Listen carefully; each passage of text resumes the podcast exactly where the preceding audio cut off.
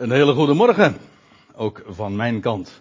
Vrienden, broeders en zusters, dames en heren, jongens en meisjes, het is me een genoegen om vanmorgen met u eens na te denken over wat zojuist al is aangekondigd, over een bekend, ja men noemt dat dan een Joods feest, maar strikt genomen is dat niet eens een juiste benaming.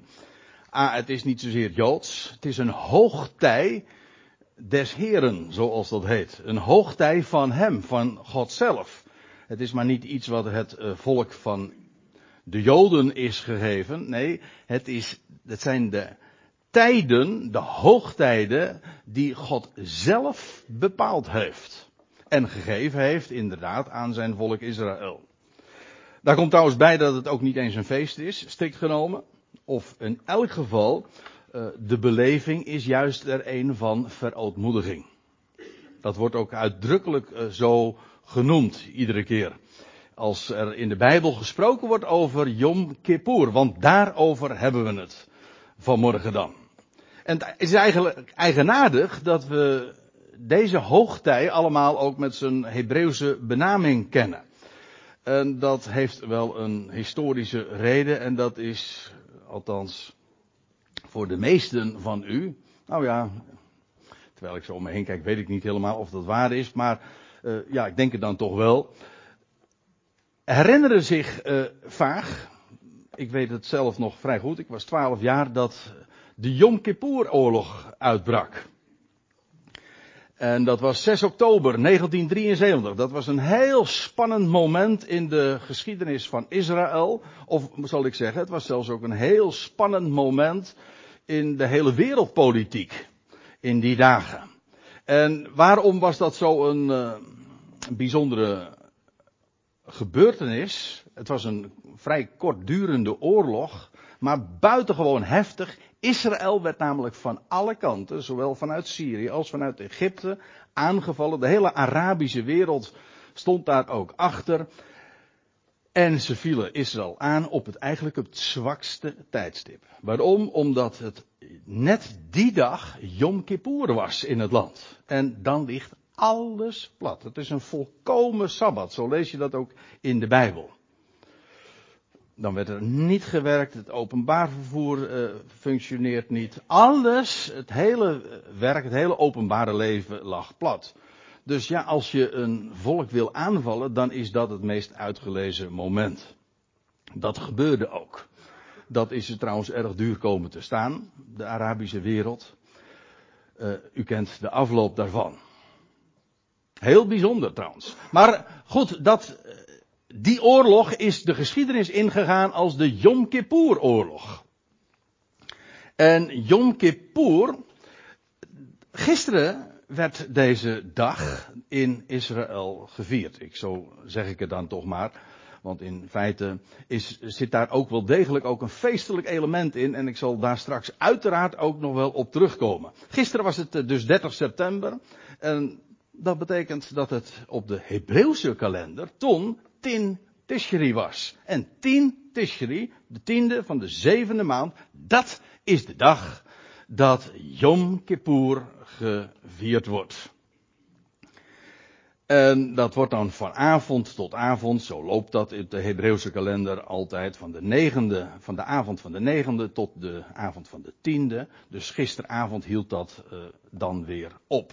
En op die dag, ja, wordt uh, nu nog steeds, uh, vindt er van alles ook daarbij plaats. Maar het is vooral een, een sabbat, een gedenkdag Eigenlijk moet ik er ook bij zeggen dat de belangrijkste elementen al bijna 2000 jaar niet meer onderhouden kunnen worden.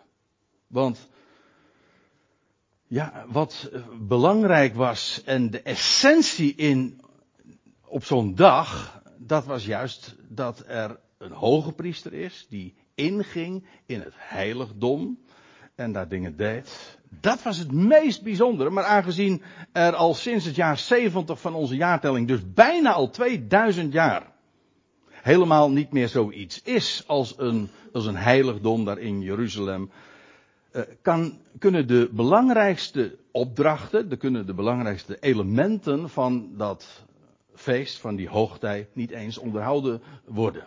Dat is onmogelijk. En dat is eigenlijk ook wel heel eigenaardig dat net in deze 2000 jaar Israël eigenlijk geen hoge priester heeft. En ook geen heiligdom.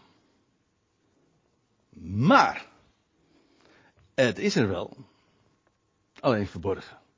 En ook dat wordt feitelijk allemaal al uitgedrukt in de rituelen die op die dag plaatsvonden. Laat ik eerst eventjes nog inzoomen op dat woord zelf. Yom Kippur. Yom, dat betekent dag. En Kippur, dat is, dat betekent dan verzoening. Yom HaKippur, uh, Kippurim, hè, zo wordt dat dan ook genoemd. Maar dat Kippur, dat is dan weer afgeleid van een werkwoord en dat is kafar. En dat is wel makkelijk te onthouden, want in het Engels is het to cover. En het betekent namelijk ook letterlijk uh, bedekken. Hm? Zoals het Engelse to cover. Het is namelijk, dat verzoenen is helemaal niet zo'n gelukkig woord. Het is interessant, de eerste keer dat dit werkwoord gebruikt wordt in de Bijbel, dat is in de geschiedenis van Noach, als hij die reusachtige boot moet gaan maken, die ark. En dan lees je dat als hij dat dan in gereedheid gebracht zou hebben, dan zou hij vervolgens uh, de ark, dat houten schip, bedekken met pek. En dat woord bedekken, wat dan gebruikt wordt, dat is dat woord wat elders dan vertaald wordt met verzoenen. Het is dus eigenlijk bedekken. Hè, of beschutten. Of beschermen. Dat is het idee. En daar zit een beetje een probleem in de Nederlandse taal aan vast. En dat is dat ons woord verzoenen in het Nederlands, dat noemen ze dan in de, in de taalkunde een homoniem. En dat betekent dat het uh, één woord is, maar met twee totaal verschillende betekenissen. In het Engels hebben ze dat probleem niet. Duits ook niet, in het Frans heb ik begrepen ook niet. Eigenlijk, het Nederlands is de enige taal die dat probleem heeft en dus moet ik dat even toelichten. Want als wij het woordje verzoenen gebruiken, kunnen we daar twee totaal verschillende dingen mee bedoelen. In de eerste plaats, en dat is de primaire betekenis, als u, als u het hebt uh, met uw buurman of collega's over verzoenen, dan denkt hij of zij ongetwijfeld aan deze eerste betekenis. Namelijk dat er twee vijandige of vervreemde partijen zijn. Bijvoorbeeld, ik noem maar wat, een man en een vrouw die zijn in conflict, maar die zich naderhand of uh, die zich weer tot elkaar verzoenen. Er was vervreemding, ze gingen uit elkaar en er vindt verzoening plaats. Dat is uh, de eerste betekenis van het woord verzoenen. Hm? Zo gebruiken we dat. Of in hele andere verbanden uh, bezigen we dat dan als landen in conflict zijn en die kunnen er elkaar, zich dan met elkaar verzoenen. Het is trouwens boeiend dat die betekenis ook in de Bijbel een grote rol speelt. Nou, ik moet vooral zeggen in de brieven van Paulus. Want Paulus is de enige die dit woord in zijn brieven bezigt, wat zeg ik, een zo'n prominente, zo'n vooraanstaande plaats geeft. Verzoenen. De, hij heeft ons, zegt Paulus in 2 Korinthe 5, de bediening van de verzoening gegeven. Dat God in Christus de wereld met zich verzoenende was. Dat wil zeggen, hij, de wereld was vijandig, niet God hoor. God is nooit een vijand geweest. Maar de wereld was vijandig en wat doet God? God verzoent die wereld met zich. En hoe hij dat doet? Wel, dat heeft alles te maken met het kruis. Men heeft zijn zoon aan het kruis geslagen. Hij heeft het allemaal gedragen en verdragen. En zo maakt hij het hart van die wereld week. En zo bewijst hij zijn liefde, zodat die wereld haar vijandschap uh, laat varen. En dat er vrede ontstaat. Dat is verzoening in de meest fundamentele zin van het woord. En als u mij vraagt, eh, als, voor de helderheid is het wel zo handig om, om het ook uh, zo ook uh, te gebruiken. Verzoenen. Twee vijandige of vervreemde partijen die tot vrede komen. In het Engels spreken ze dan over conciliation of reconciliation. Er is een andere betekenis en dat is wanneer we spreken over zonden die bedekt worden. Of schuld die bedekt wordt. Ook dat noemen wij verzoenen, maar dat is eigenlijk meer verzoenen in de godsdienstige zin van het woord. En maar dan spreken we ook over verzoenen. Terwijl iets, de gedachte een heel andere is. En dan gaat het niet over personen die in conflict zijn, maar dan gaat het erover over zonden of schuld die bedekt moet worden. Zodat het niet meer gezien wordt. Zodat God er geen gedachte meer aan heeft. Ik zei al, in andere talen kent men wel dat verschil en maakt men dat dan op die manier ook duidelijk. Maar in het Nederlands moet je dat altijd even toelichten. Dus als we het vanmorgen hebben over de verzondag, Yom Kippur, en, en ik zal het ook zo bezigen, dan bedoel ik het in deze tweede zin. Namelijk in de zin van de verzondag is de dag dat God een volkomen bedekking geeft, waarin ik, zal ik straks ook laten zien vanuit de Bijbel zelf. God verschaft een bedekking zodat hij niet meer gedenkt aan het verleden en aan alles wat de mens, of meer specifiek Israël, misdoet. Hij ziet het niet meer. Dat, het is beschermd, bedekt. Als we willen weten wat die, Jom, die verzondag inhoudt, dat uh, begrip Yom Kippur, ja, dan moet je uiteraard je richten tot de Bijbel. Dat ligt nog voor de hand. En de belangrijkste bronnen daarvan vinden we in de eerste plaats in Leviticus 16. Er is een heel hoofdstuk, een vrij lang hoofdstuk zelfs, wat spreekt over alles wat op die dag zou plaatsvinden. Voor de rest heb je ook nog Leviticus 23, waar je een, de, de zeven hoogtijden die Israël jaarlijks zou onderhouden, uh, waar, dat allemaal wordt genoemd. En daar heeft de Yom Kippur, de verzondag, een grote rol in. Dus het zesde feest, uh, ja, zesde feest. Je hebt drie hoogtijden in de eerste maand. Je hebt drie hoogtijden in de zevende maand. Uh, even voor de goede orde, het is makkelijk te onthouden. Want als je als je eenmaal weet wat het geheim is en waar het op betrekking heeft, dan blijken de, de hoogtijden in de eerste maand te maken te hebben met de eerste komst van Christus. En de hoogtijden in de zevende maand, wanneer alles tot volheid komt, zeven, alles te maken hebben met wanneer de Heer terugkomt, als de bazuin zal klinken, als de verzondag zal zijn, de tiende van de zevende maand. En dan vervolgens nog weer vijf dagen later het Sukkot, het Loofhuttenfeest uitbreken. Dat is een geweldig uitbundig feest. Zeven dagen lang. Nou eigenlijk acht dagen. Maar het is geweldig zoals God dat al eeuwen voordat de Messias kwam, al zijn hoogtijden had gefixeerd. Dan zal de dag zijn dat het paascha geslacht wordt. Dan zal de dag zijn van de eersteling. En dat is perfect vervuld. De Heer stierf op de dag dat het lam geslacht werd van Pascha. De Heer stond op op de dag van de eersteling. Dat is profetisch al vastgelegd. En dat zijn wonderbaarlijke dingen. God voorzegt. Zo zal het gaan.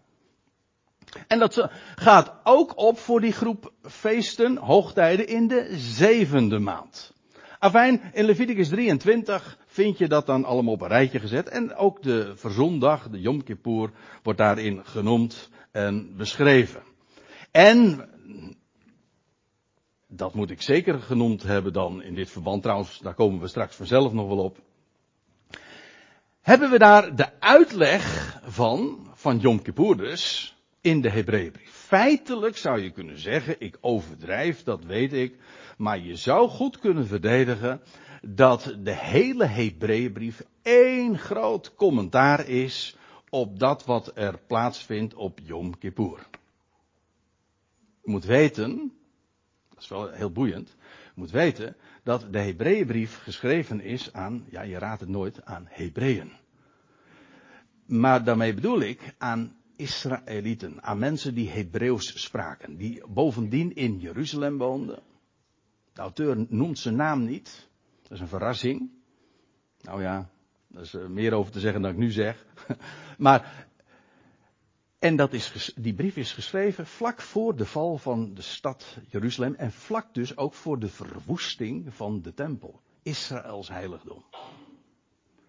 En in die brief worden de gelovige Hebreeën, ik zal het maar zo zeggen, hè, zo, eh, dat, dat, is de aanduiding die we tegenwoordig daarvoor bezigen, Messias beleidende Joden. Mensen die Jezus als de Messias erkenden, en dat waren er velen, die worden uh, bemoedigd, aangemoedigd, maar ook trouwens al gewaarschuwd voor, voor, de, voor het drama dat zich binnenkort zou gaan voltrekken, daar in het land en in de stad. En ze worden eigenlijk ook al aangemoedigd om de stad te verlaten, want er zou niks heel blijven in de stad en van die tempel. En daarmee ook de hele eredienst zou gewoon verdwijnen. En dat is de brief waarin Paulus, nou heb ik zijn naam toch genoemd, waarin Paulus de Hebreeën erop wijst wat de machtige betekenis is van alles wat God voordien in de, in de Hebreeuwse Bijbel had vastgelegd. En ook over het hoge priesterschap. Over wie de echte hoge priester is. En wat het ware heiligdom is. En wat de diepe betekenis is van, het, van dat Yom Kippur. Want er blijkt heel veel. Of al die details, laat ik het zo zeggen, al die details spreken, hoe kan het ook anders, van hem die komen zou. En waar heel de Bijbel over gaat. Jezus, Yeshua, zo u wilt. De Christus, Hamashiach. Hij is het. Nu ontrokken aan het oog, maar daar spreekt dat, die, dat Yom Kippur ook van. Hij die nu ontrokken is aan het oog, maar straks zal verschijnen. Nou. We gaan nog wat meer inzoomen, want er vond wel, wel meer plaats op die dag. Er werden bijvoorbeeld ook vele offers gebracht, in 17 in totaal. Maar het bekendst is het vanwege twee bokken. Je leest in vers 4 van, eh, van Leviticus 16. En van de vergadering der Israëlieten zal hij, dat is de hoge priester, twee geitenbokken of twee harige bokken ten zondoffer nemen. En die twee offers, of nee, het was dus één offer, maar het waren twee bokken. Die hoorden bij elkaar. Er werden twee bokken genomen. En, en die twee bokken, die spelen de hoofdrol gedurende die dag. Nou, laten we het eens op een rijtje zetten. Wat er dan op die dag plaatsvond.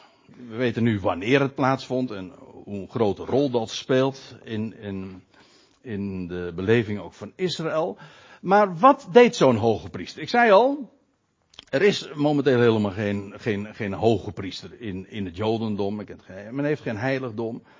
Maar wat wordt er dan gezegd over wat die hoge priester deed? Nou, dan moet je dus met name in Leviticus 16 zijn. En ik wil het voor u even op een rijtje zetten, zonder nu um, dat allemaal te gaan lezen. Je kunt het heel gemakkelijk voor jezelf ook nagaan. Ik, laat ik het even in tien punten neerzetten. Die twee geitenbokken waar ik het zojuist over had, die werden, daarover werd het lot geworpen. En dat betekent dat God dan zijn besluit zou nemen van welk bok de eerste en welke bok de tweede zou zijn. Dat werd niet door een mens gekozen of bepaald. Nee, dat deed God zelf. Eigenlijk is dat het fundamentele idee ook van eh, het lot werpen. Op het moment dat je het lot werpt, dan, dan geef je het als mens uit handen en je zegt van nou, het is aan God. Daar hebben wij geen invloed op. Dus het lot werpen is bij ons iets van, uh, ja, vaak van, uh, van joligheid. Maar in feite, in de Bijbel zie je dat heel vaak. Het is een beslissing van de Heer.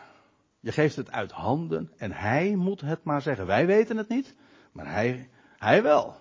Hij heeft namelijk het lot in handen. Hm? We zeggen wel eens een keertje van, ja, toeval bestaat niet. Nou, toeval bestaat wel. Ik ken, ik ken een broeder die altijd, die altijd dat heel leuk zei. Hij, zei, ik geloof wel een toeval. Je moest eens weten wat God mij allemaal doet toevallen. Ja, Uh, het is maar hoe je het bekijkt. Hè? Uh, wie heeft het lot in de handen? Dat waar wij niks over kunnen zeggen, waarvan wij de uitkomst niet kunnen bepalen, hij wel. Dus hij doet dat toevallen. Hij beschikt dat. Afijn, twee geitenbokken, daar werd het lot over geworpen. De eerste bok, waarover het lot dan geworpen was, werd geslacht. En dan moet ik erbij zeggen, wij denken altijd maar dat het gaat om die slachting, maar feitelijk is dat niet waar. Het is het begin.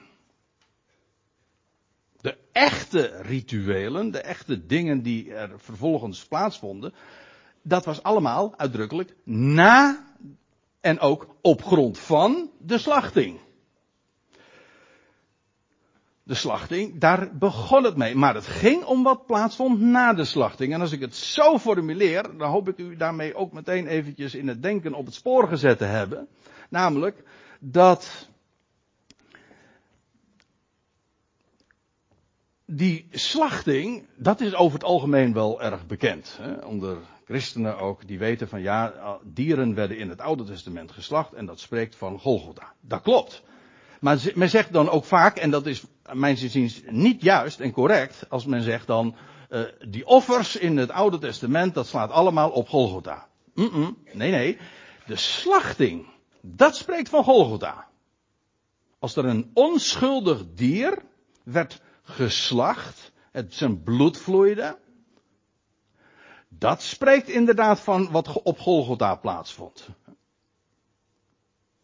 Maar wat daarna plaatsvond, met dat bloed, en dat het vervolgens, of bijvoorbeeld bij de grote, verzoendag trouwens niet zozeer, uh, dat het op het altaar opsteeg, goden tot een liefelijke reuk. Dat spreekt niet van Golgotha, maar dat spreekt over wat na de slachting plaatsvond. Na Golgotha, namelijk toen de Heer opstond uit de dood als de eerstelingen en opsteeg tot God. Dat, eigenlijk is het dus zo dat die offers spreken van Golgotha, maar als je het alleen dat zegt is niet correct, dan van Golgotha en dat zijn verrijzen is. Toen hij opsteeg, goden tot een liefelijke reuk, of, maar nou, eh, ik spreek even voor mijn beurt, of bijvoorbeeld als het bloed inging in het heiligdom. Hou me even vast.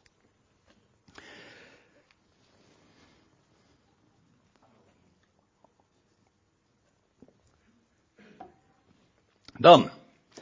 Uh, die eerste bok werd geslacht. De hoge priester trok een wit linnen kleed aan. Hij trok zijn gebruikelijke ambtsgewaad uit. Een prachtig hemelblauw kleed. Maar ook uh, met diverse kleuren. En ook dat wordt uitgebreid beschreven. Schitterend. Ook dat alles heeft. Daar gaat een geweldige sprake van uit. Al was het maar van de kleuren, maar ook de stoffen die daarvoor werden gebruikt. Afijn, hij strok zijn gewaad uit, zijn hoge priestelijk gewaad, met die, weet u wel, die borstlap, die efot en die schouderstukken, met de stenen van, van, van de stammen van Israëls daarop. Mooi hoor, die hoge priester die, die de zijnen, zijn volk droeg op zijn hart en op zijn schouders. Zijn gedragen door zijn liefde en door zijn kracht dat bij die gelegenheid, op die ene dag in het jaar, trok hij dat kleed uit en ging dan in het heiligdom, maar dan trok hij een wit linnen kleed aan. Heel licht. De idee is ook, uh, die priester mocht niet zweten. Dat is eigenlijk ook wel mooi hoor. Dat wordt, eh, in Ezekiel wordt het erbij gezegd dat die priester zo'n kleed droeg, dat linnen droeg, omdat, opdat hij niet zou zweten. Geen eigen werk. Nou ja, denk er maar eens over na.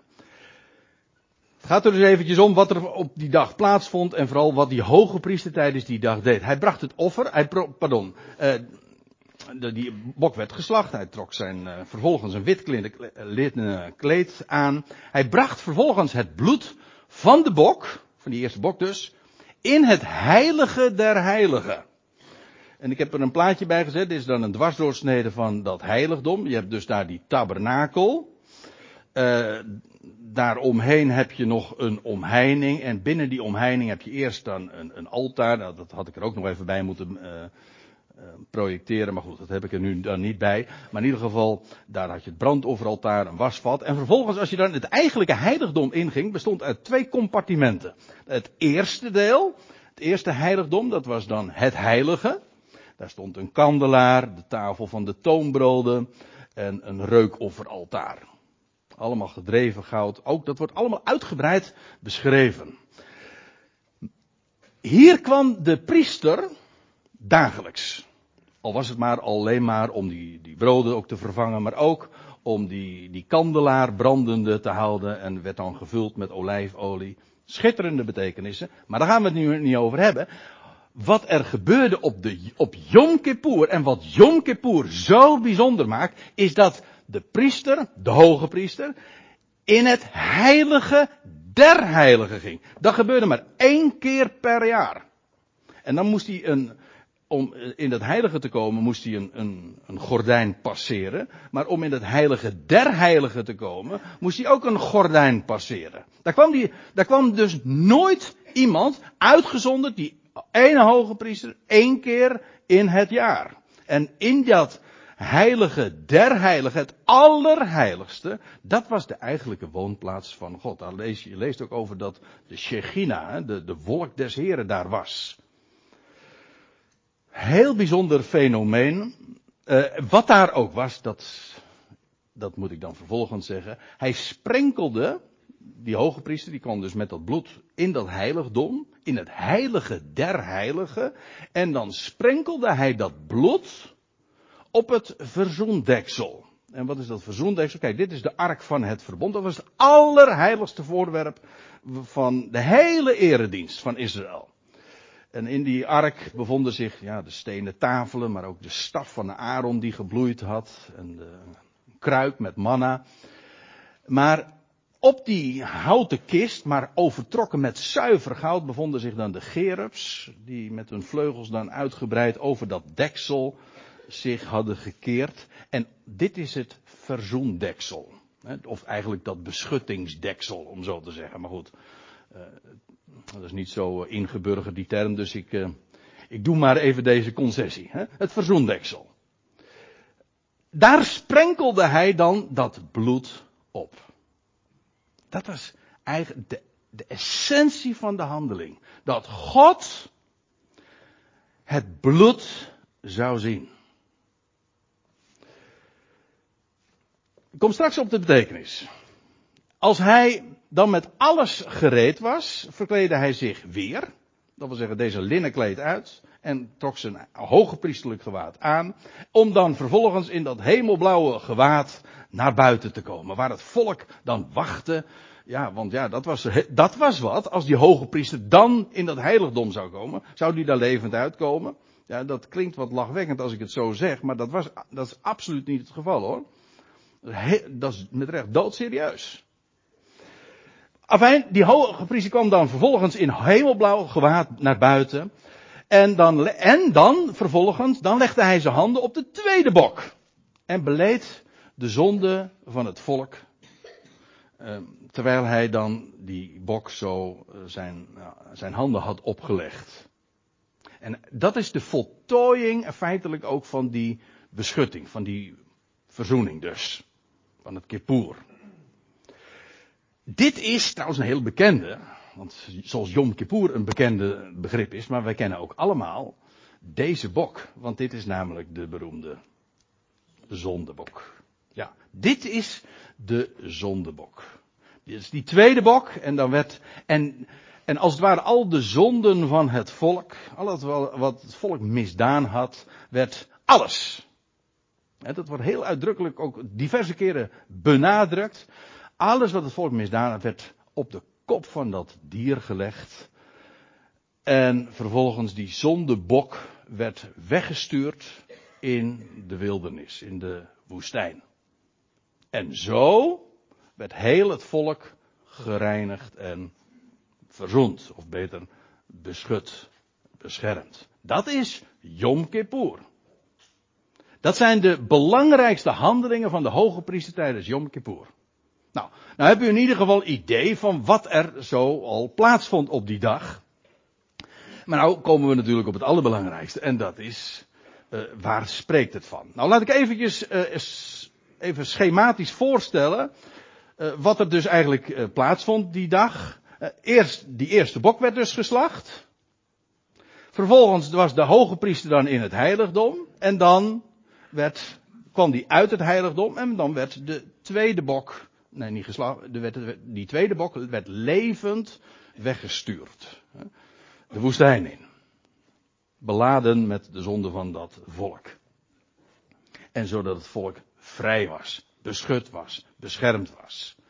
Dit is, dit is eigenlijk een schematische voorstelling van Yom Kippur. Maar nu de betekenis. Want, en dat is wat in die Hebreeënbrief zo schitterend wordt uitgelegd. Het is soms wat uh, en doorbijten, dat geef ik direct toe. Maar het is een juweeltje van een brief. Natuurlijk gericht aan Hebreeën, maar over de schouders van die Hebreeën lezen we maar wat graag mee. Bovendien, wij hebben daar zoveel enorm veel aan, want het spreekt juist ook het belangrijkste van Yom Kippur, namelijk dat de hoge priester het heiligdom, het allerheiligste inging, dat spreekt van de tegenwoordige tijd. Want laat ik het dan meteen maar gewoon dit zeggen. Yom Kippur is een plaatje van het werk dat de hoge priester doet. Nou, ik, die eerste bok werd geslacht, spreekt van Golgotha. Het, het bloed werd gestort. Dat bokje werd onschuldig geslacht. was, was daarmee uh, het verhaal met dat bokje ten einde? Nee, in tegendeel. Want dan begon het pas, want het bloed werd opgevangen en vervolgens ging de hoge priester met dat bloed het heiligdom in. Wel, eh, de Hebreeënbrief, ik zal het straks ook laten zien en bewijzen, voor zover u dat nog niet kent. Uh, die hoge priester ging dus het heiligdom in en dat spreekt van de hemelvaart. De Heer is het heiligdom ingegaan. En het heiligdom, dat moet toch duidelijk dan zijn. Dat heiligdom is een beeld. Zoals die hele tabernakel trouwens een beeld is van de hele schepping zelfs. Zo is dat heiligdom een beeld van de hemel. De plaats waar God woont. Waar alles goud is. Waar alles spreekt van zijn aanwezigheid. Wel, de hoge priester is ingegaan in het heiligdom. En daar verblijft hij x tijd. Nou ja, ik zeg 2000 jaar, dat is gewoon een vaststelling inmiddels. Maar ik kan u ook verklappen dat daarmee bijbels gezien ook de termijn zo ongeveer is afgesloten. Nou, dat is een ander onderwerp. In ieder geval, die hoge priester verblijft in het heiligdom, is dus ontrokken aan het oog. Het volk ziet hem helemaal niet. Trouwens, wie ziet hem wel? Ja, God. Hij is ontrokken aan het oog. Dat is het. Dat is ook Heel wezenlijk. Maar dat is ook typerend voor de tijd waar wij in leven. Tot ons verdriet misschien soms, en het wordt ons ook verweten van, ja, jullie geloven in iemand die je helemaal niet eens ziet. Nee, daar hebben ze een punt. Maar dat is nu juist de clue. Die hoge priester is daar in het heiligdom. Het wachten is, met recht, op het moment dat die hoge priester uit dat heiligdom komt en acte de présence zal geven en het zich voor zal stellen aan het volk die hem heeft af, opgewacht. En dan zal het volk ook daadwerkelijk ja, haar, haar hoge priester herkennen. Ja, de Bijbel zegt dat ook. Israël zal tot erkenning komen van wie, van wie ze ooit, die ze ooit hebben verworpen en die ze ooit hebben geslacht. En dan zullen, en dan zullen ze beleidenis doen. En dan zullen ze zeggen, waarlijk. Jezaja 53 bijvoorbeeld. Dat zal dan op hun lippen zijn. U weet wel dat hoofdstuk waar gezegd wordt van, om onze overtredingen werd hij geslacht. Als een lam werd hij ter slachting geleid. Als een schaap dat stom is voor zijn scheerders. Zo deed hij zijn mond niet open. En dan zullen ze hem zien en dan, dan, zullen ze dat beleiden. En heel het volk zal hem zien, de hoge priester. En ook het grote geheim inderdaad van Yom Kippur. En dan zal, ja, dan zal ook daar een, een ontmoeting plaatsvinden in de woestijn. Ik geloof ook werkelijk dat die, die bok, in feite ook dan weer een beeld van de Heer Jezus, hij zal de zonde wegdragen en inderdaad naar de woestijn toe gaan. Maar dat is weer een verhaal apart. Daar wil ik maar niet te veel over zeggen. Maar in ieder geval, u ziet hier feitelijk het hele verhaal. De slachting, de hoge priester, die inging in het hemels heiligdom, die straks bij gelegenheid weer naar buiten zal komen en dan vervolgens het werk af gaat maken. En waarmee de verzoening compleet is. Laat ik u een paar versen lezen. Hebreeën 9. Daar lees je. Want ja, u wilt natuurlijk wel de bonnetjes. U hebt nou nog, nog maar weinig Bijbelversen gelezen. En die eist u natuurlijk wel van een spreker. Ja, nou, bij deze dan. Hebreeën 9, daar lees je, Christus echter, is een wat letterlijke weergave van wat eh, zoals dat is eh, opgetekend. Christus echter, de Messias dus, naderend hoge priester van de komende goede dingen. Prachtig. Je moet zich voorstellen, die, hij is de hoge priester. Hij, ja, dat wordt in die Hebreeënbrief dan ook uitgelegd. Hij is maar niet zomaar een hoge priester, hij is ook bovendien nog koning. Hè? Koning, priester naar de ordening van Melchizedek. Dus hij is niet alleen maar de priester, maar ook nog eens een keertje de koning. Hij, hij verenigt twee ambten in één. Ook dat was al voorzegd. Onder het oude verbond was het onmogelijk, maar hij is dat. En, en die goede dingen liggen daar als het ware, ik zeg het even met mijn eigen woorden, daar opgeslagen daar in het heiligdom. En straks komt hij daarmee naar buiten. Met al die goede dingen. Om, zijn, om het volk ook te zegenen en het, en het goede hen te geven en te spreken. Christus echter, naderend hoge priester van de komende goederen, is door de grotere en volmaaktere tent, niet met handen gemaakt, dat is niet van deze schepping, dat wil zeggen, uh, het spreekt dus van de hemel. Hij is door een grotere en een volmaaktere tent. Dat wil zeggen, het hemelruim. Die hemel, of die, pardon, dat heiligdom dat in de tabernakel uh, dan zich bevond, of later in de tempel van Jeruzalem, ja, dat was eigenlijk alleen maar een schaduw, een beeld, een representatie, een maquette daarvan of zo. Tuurlijk, al die details hebben dan betekenis. Maar het, het, de, het echte, ja, dat is de hemel. Afijn, daar is hij nu. Hij is de hoge priester van de komende goede dingen. Is door de grotere en de volmaaktere tent niet met handen gemaakt. Dat is geen mensenwerk. Dat is niet van deze schepping. Nog door bloed van geitenbokken en van kalveren. Maar door zijn eigen bloed kwam hij binnen. Eenmaal. Tot in de heilige plaatsen. Is eigenaardig dat al die details. Hij is dus niet alleen maar die hoge priester, hij is ook nog eens een keertje die bok. Die geslacht is. En wat in beeld natuurlijk niet allemaal verenigd kon worden. Dat is in de werkelijkheid, waar het een uitbeelding van is, wel allemaal één. Dat wil zeggen, dat bokje werd geslacht. Hij werd geslacht. En vervolgens dezelfde die ooit geslacht werd, werd vervolgens opgewekt uit de doden. En hij is op grond van zijn opstanding ook de hoge priester. En hij is ingegaan in het heiligdom. In dat echte heiligdom, om zo te zeggen. Nou, bladeren we even terug. Hebreeën 8.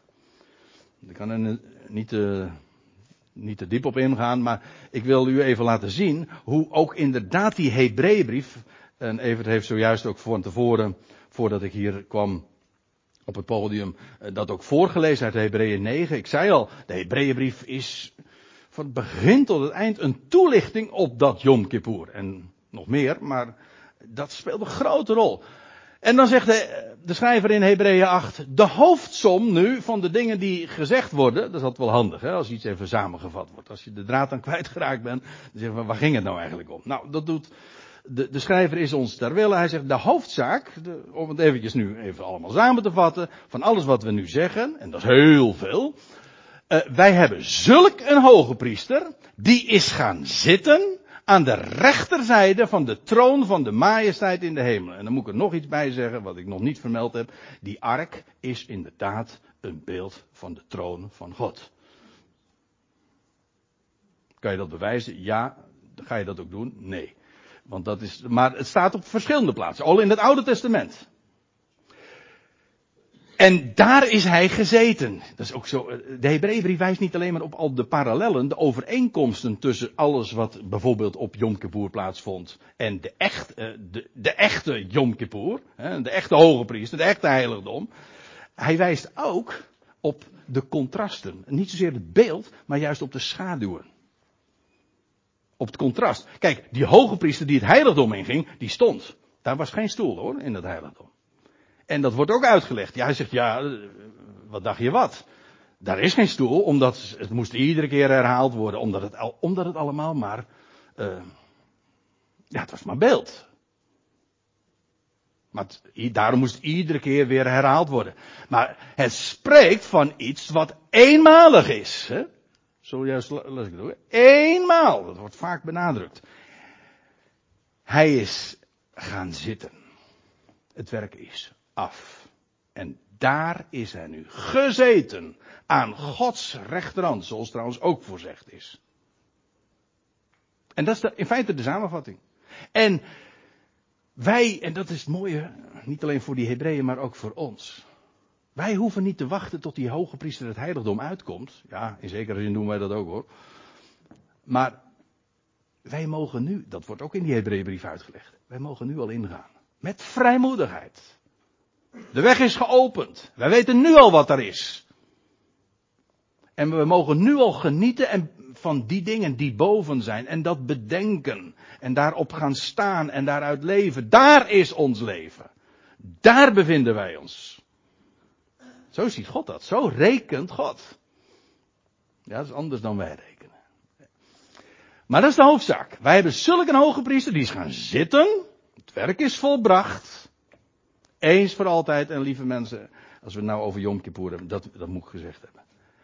Het is zo geweldig wat er volbracht is. En wat God door hem gedaan heeft en doet. Dat is alomvattend. Het werk is volbracht. En God houdt van, niet alleen van Israël, maar van elk schepsel. Dat laat hij nooit varen. En door alles heen komt hij tot zijn doel. Feitelijk zie je, is dat ook de boodschap van Yom Kippur.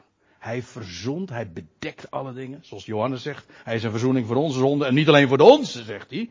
Nee, voor de hele wereld. 1 Johannes 2, vers 2. De hele wereld. En laat mensen dan maar zeggen dat het een dwaalleer of een ketterij is. Dat is nu juist het evangelie. Puur om niet. Geloof dat nou maar. En als je het niet gelooft, blijft het waar hoor trouwens. Dat vind ik nog, dat is helemaal mooi. Hm? Het blijft waar. Afijn. Hij is gaan zitten. Die zit. Ziet u hem zitten? Die is gaan zitten aan de rechterzijde. Spreekt van voorrang. Van de troon van de majesteit in de hemel. Hij is bovendien een bedienaar van de heilige dingen. Van de ware tent. Want uh, daar vond nog meer plaats in dat heiligdom. Maar dat is nu allemaal niet het onderwerp. En tenslotte, dat is het laatste vers wat ik dan wil laten zien. Wat we zojuist trouwens ook hebben gelezen. Vooraf. Dan staat er in Hebreeën 9 vers 28. Zo zal ook de Christus, de Messias, de opgestane. U begrijpt, hier wordt een vergelijking afgemaakt. En, maar het gaat er eventjes om. Zoals dat destijds ging, en zoals dat bij Yom Kippur geregeld was, wel, zo zal ook de Christus, nadat hij eenmaal geofferd werd om de zonden van velen opwaarts te dragen, de eerste bok.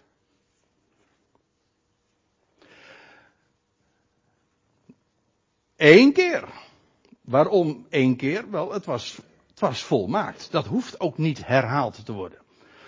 Zo zal ook de Christus, nadat hij eenmaal geofferd werd om de zonde van velen opwaarts te dragen, voor de tweede keer zonder zonde gezien worden door degene die hem tot redding afwachten.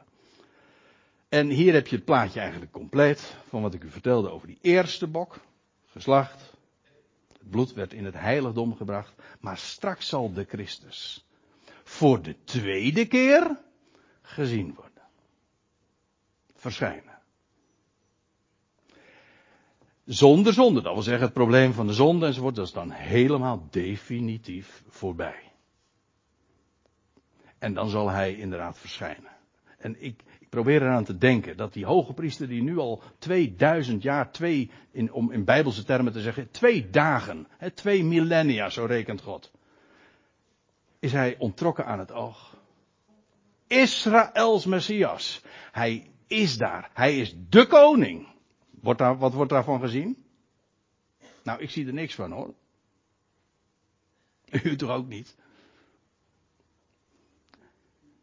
Uh, heerst hij dan? Ja, hij heerst in zeker. Hij heerst in genade. Dat betekent dat hij niks doet. Niet ingrijpt bedoel ik. Maar straks zal hij komen als de koning-priester. In vol ornaat, als u begrijpt wat ik bedoel. Gekroond. En dan zal hij verschijnen voor zijn volk. Hij zal hem brengen naar de woestijn enzovoorts enzovoorts. En dan zal hij zijn heerschappij vestigen en de goede dingen. Hij is de hoge priester van die goede dingen. Dan zal hij die goede dingen over deze wereld in die aion presenteren. En dan gaat nog zoveel mooi, veel meer moois daarna ook gebeuren. Uh, maar die hoge priester, daar is het voor dat volk ook het wachten op. Men wacht op de Messias. Maar wat zal blijken is dat als hij komt, dat het zijn wederkomst zal blijken te zijn. En dat, dat moment is aanstaande. En dan zal Israël ook definitief in de praktijk gaan erkennen wie hij is, wie, de hoog, wie haar hoge priester is, maar vooral ook, dan zullen de zonden bedekt zijn. En men zal er zich van bewust worden wie hij is die ingegaan is en die daar nu is. Nou, dat wilde ik u vanmorgen graag eens vertellen. Over die hoge priester en over Yom Kippur. En over de geweldige verwachting die dat met zich meebrengt. En ik vind het ook geweldig, maar dat zei ik al. Dus het wordt tijd om te stoppen, want anders val je te veel in herhaling. Ik vind het geweldig dat wij al weten en een kijkje mogen nemen. Aanbiddend in dat hemels heiligdom, waar hij nu is.